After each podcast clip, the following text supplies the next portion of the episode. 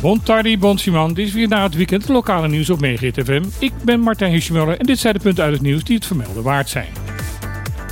Het is niet erg netjes, maar wettelijk niet verboden. Dat is de conclusie van de cybercrime-afdeling van de Korpspolitie Caribisch Nederland.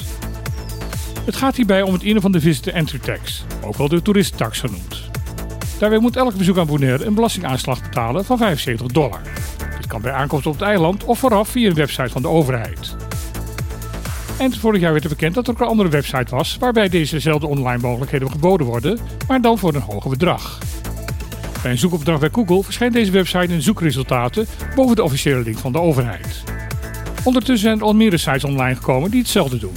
Hierbij is er zelfs een site die 115 dollar in rekening brengt in plaats van de officiële 75 dollar. Wanneer dat bedrag betaalt, wordt er netjes door de betreffende website de vereiste 75 dollar overgemaakt op de rekening van de overheid en krijgt de klant een geldige QR-code. Daardoor is er geen sprake van oplichting, maar voor het rekenen van bemiddelingskosten en dat is wettelijk toegestaan. De overheid raadt de toeristensector aan om hun klanten over deze gang van zaken te informeren en doet ondertussen pogingen om via bepaalde protocollen weer bovenaan de zoekopdrachten bij Google te komen.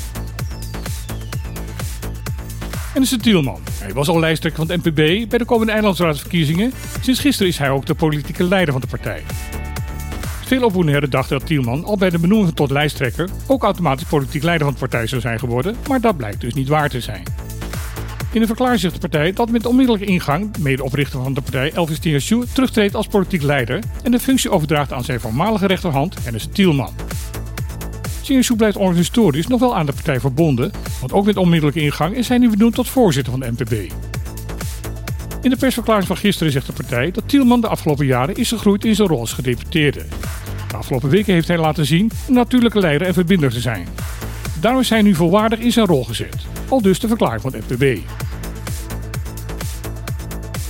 Bonaire International Airport heeft een nieuwe commercieel manager, Edson Engelhard. In de verklaring zegt de airport dat Engelhard meer dan 10 jaar ervaring heeft in de luchtvaartsector. Hij heeft hiervoor bij de luchthaven van Curaçao gewerkt en ook twee universitaire studies gevolgd. Engelhard is ervan overtuigd dat Bonaire een innovatieve luchthaven moet hebben met een sociale impact. Anderzijds is de nieuwe commercieel manager van mening dat BIA een winstgevend bedrijf moet zijn. Gistermiddag was het winkelgedeelte van Calle Grandi in Sicalvia. Het gebied was daarmee het territorium geworden van fietsende en spelende kinderen. Auto's waren tijdelijk niet welkom. Het was de eerste keer dat zoiets dergelijks op Bonaire werd georganiseerd en gelijk was het een groot succes. Er waren veel ouders met hun kinderen naar het centrum van Kralendijk gekomen, waar dan ook druk gefietst, gespeeld en gewandeld werd.